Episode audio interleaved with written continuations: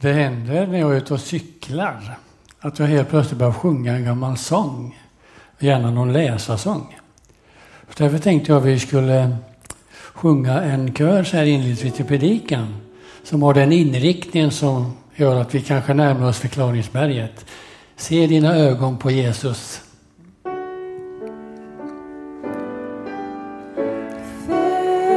Dina När du och jag reflekterar över våra liv och tänker på, har vi några egna erfarenheter och möten med salighet på salighetsberget? Då vi kände liksom tid och rum liksom försvann. Här är gott att vara. Petrus gjorde det. Det var därför som han skrev på äldre dagar i första eller Peter brev där han skriver så här. Jag såg mina egna ögon hans majestät. Till han mottog ära och härlighet från Gud sin fader. När en röst kom till honom ur denna majestätiska härlighet. Denna är min älskade son. Den rösten hörde jag själv komma från himlen när jag var med honom på berget. Petrus beskriver en tidig erfarenhet i sitt liv betydligt senare. Och då tänker jag så här, man ska inte leva på gamla välsignelser. Men gamla välsignelser berikar när man har dem i sitt sammanhang och vill leva och tro på dem. Berättelsen som Magnus läste, det var ju fyra män som var på väg till salighetens berg. Och det är ju så att när man att vandra tillsammans är gott för både kropp, själ och ande. Sinnena öppnas. Sol och vind kommer till oss. Vi känner en närhet och vi känner uppskattning. På något sätt är det som att axlarna sjunker ner lite grann. Vi, vi slappnar av i vår kroppshållning. Och vi börjar prata med varandra. Vi brukar tala om det goda samtalet. Vi berör det som ligger kanske långt borta, men också i närtid och det som vi vill dela med varandra. Och vi har haft pandemi under en lång tid. Många av oss har vandrat betydligt längre än vad man har gjort tidigare. Men gjort upptäckter. Det är väldigt nära här i Jönköping vad fint det finns. Smultronställen som troligtvis inte vi, min fru har upptäckt om vi inte hade vandrat. Vandringen stärker dig och mig till reflektion, till uppmuntran och till tro. Och om jag fattar rätt Ebbe, så bönesamlingen på tisdagar ibland haft vandringens form. Och eh, ja, jag förmodar att det ligger mycket i det som jag beskrivit, att då man har det goda samtal, man stannar till och man är öppen för Gud i närtid. Och när vi reflekterar över de bibliska berättelserna så är berget en viktig plats. Därför att utsikt föder insikt och insikter föder utsikt. Helt plötsligt börjar vi ana och förstå något mer om vad vi kanske inte hade gjort tidigare. När lärjungarna är på förklaringsberget och enligt Lukas där för att bedja så händer någonting. Men vad är det som händer med dem? Men innan vi funderar på vad som händer med lärjungarna så kan vi tänka på vad som hade hänt några dagar innan Jesus vandrade upp på förklaringsberget. Vad hände då? Jo, sex, sju dagar innan denna vandring så hade Jesus ställt frågan till Petrus. Vem säger andra att jag är? Och sen fick Petrus frågan själv. Vem säger du att jag är? Och då vet vi, då kliver han fram. Du är Messias, den levande Gudens son. Och då får han berömma, eller berömma, han, Jesus tar till sig det som en identifikation. Vad fint att du har förstått det.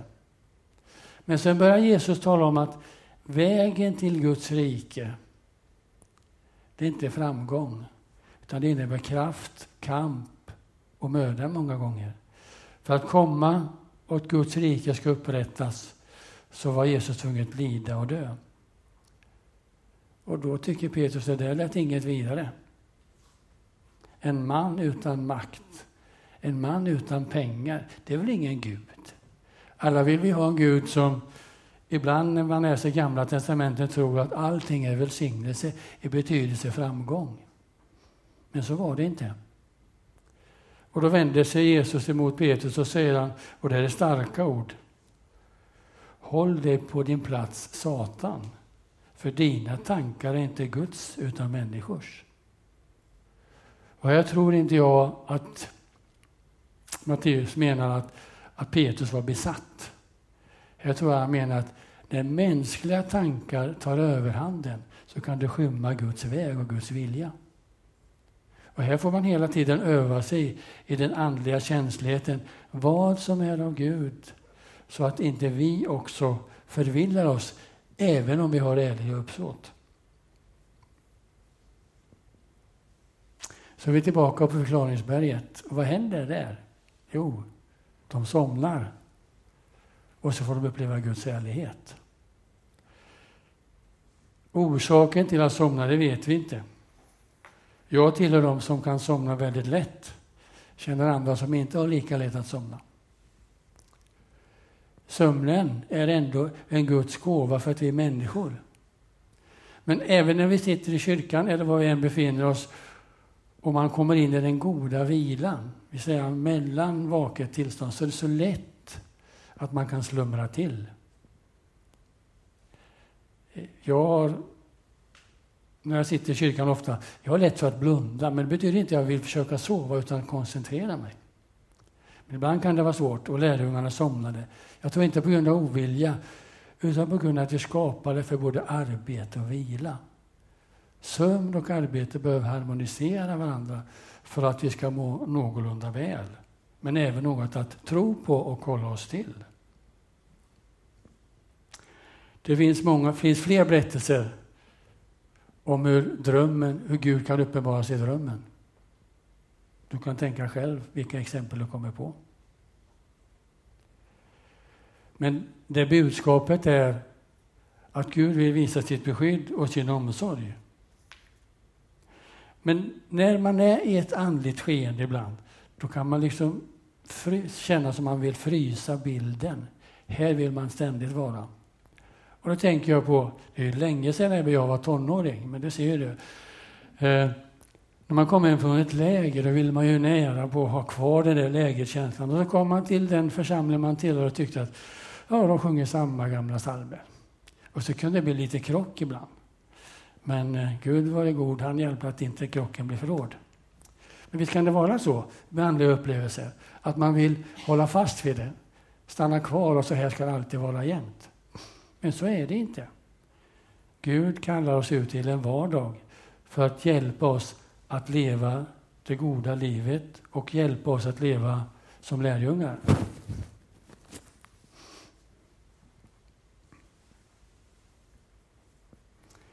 Men jag kan tänka mig att det Petrus, och, eller Petrus, Jakob och Johannes upplevde, det var att de kände liksom att himlen har landat på jorden. Och visst är det skönt när himlen landar på jorden, att vara med om de ögonblicken.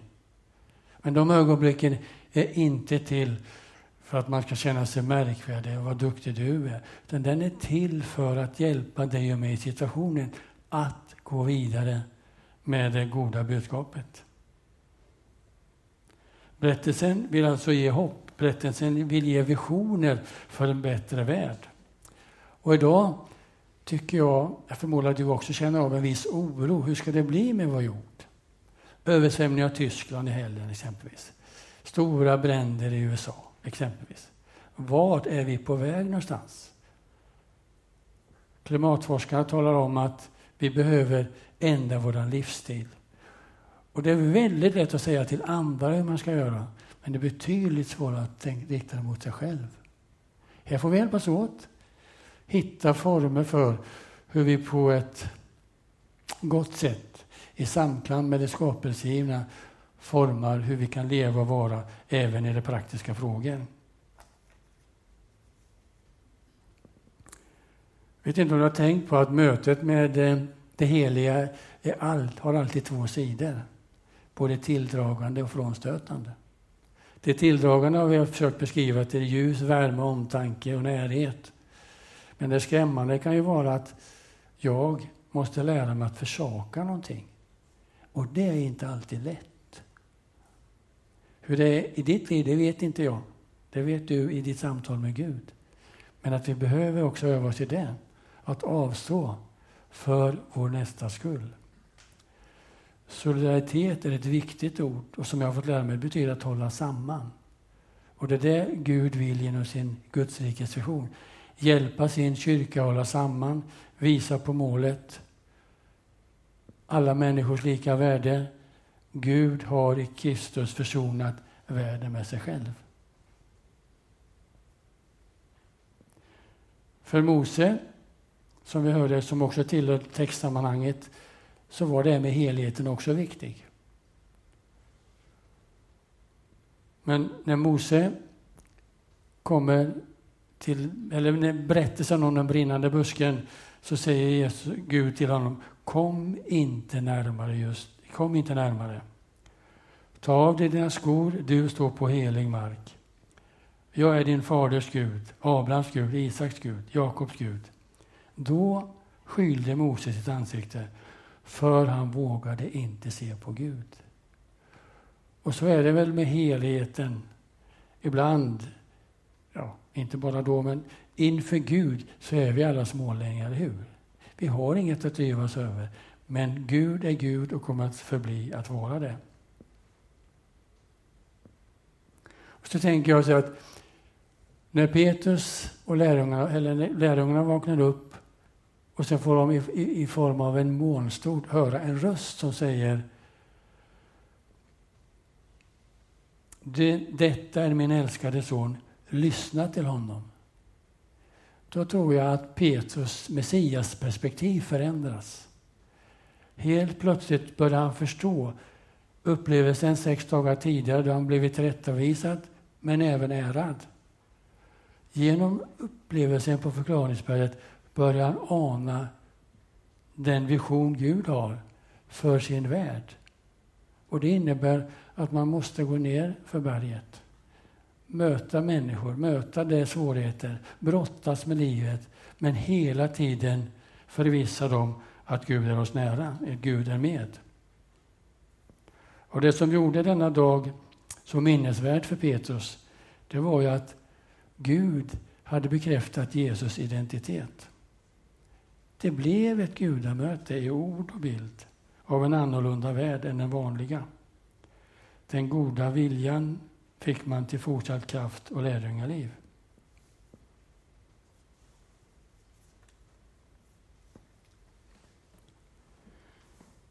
En tanke jag har haft det är inför idag det är hur delar vi andliga erfarenheter med varandra?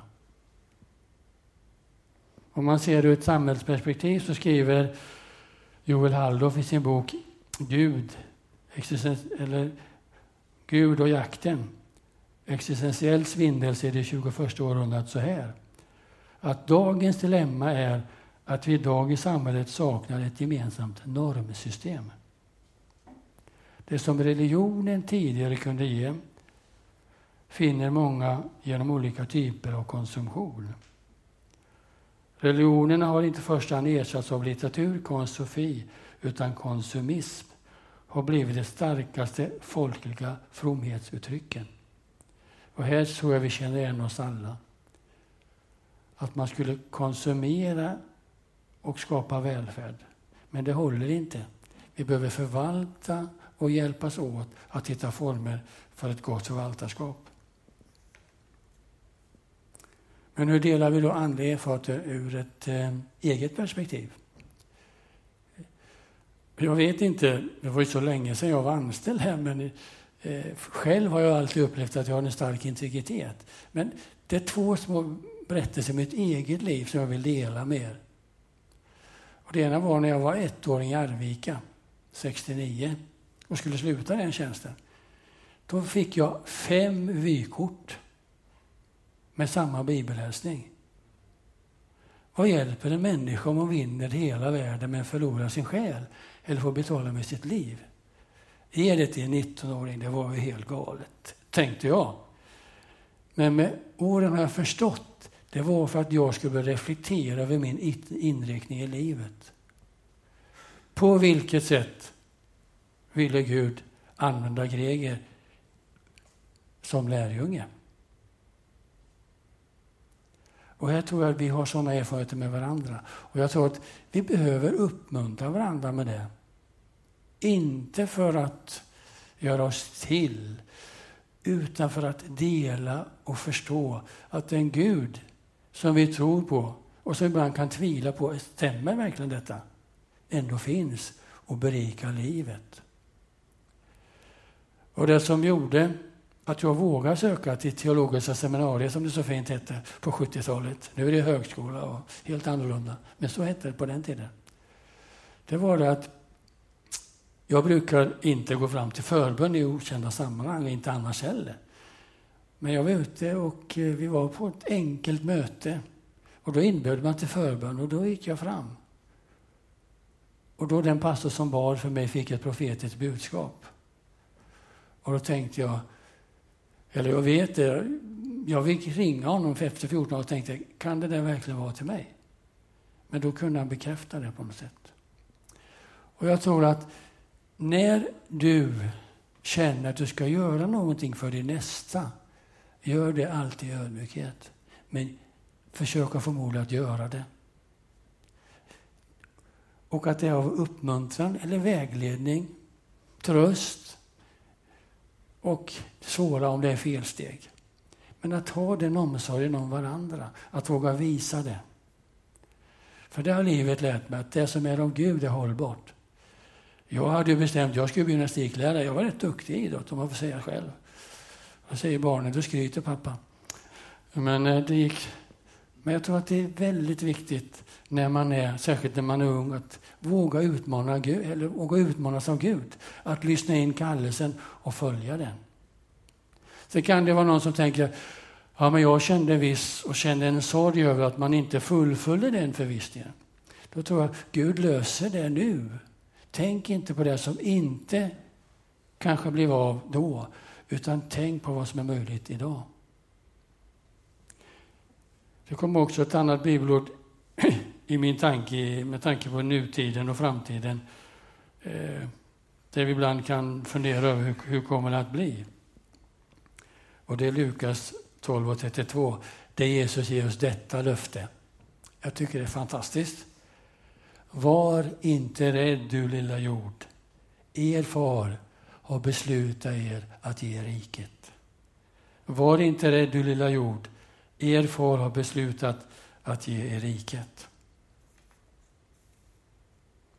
Avslutningsvis, gudamötet på förklaringsberget, innebär det att Petrus hade fått alla koder till Guds rike? Nej, det hade han inte. Och det vet både du och jag. Livet leves framlänges men förstås baklänges. Jag tror att det tar ett helt liv att utforska Guds väsen. Och den bästa predikan som vi alla kan sträva efter att söka följa, det är ett heligt liv. Barmhärtigt och kärleksfullt.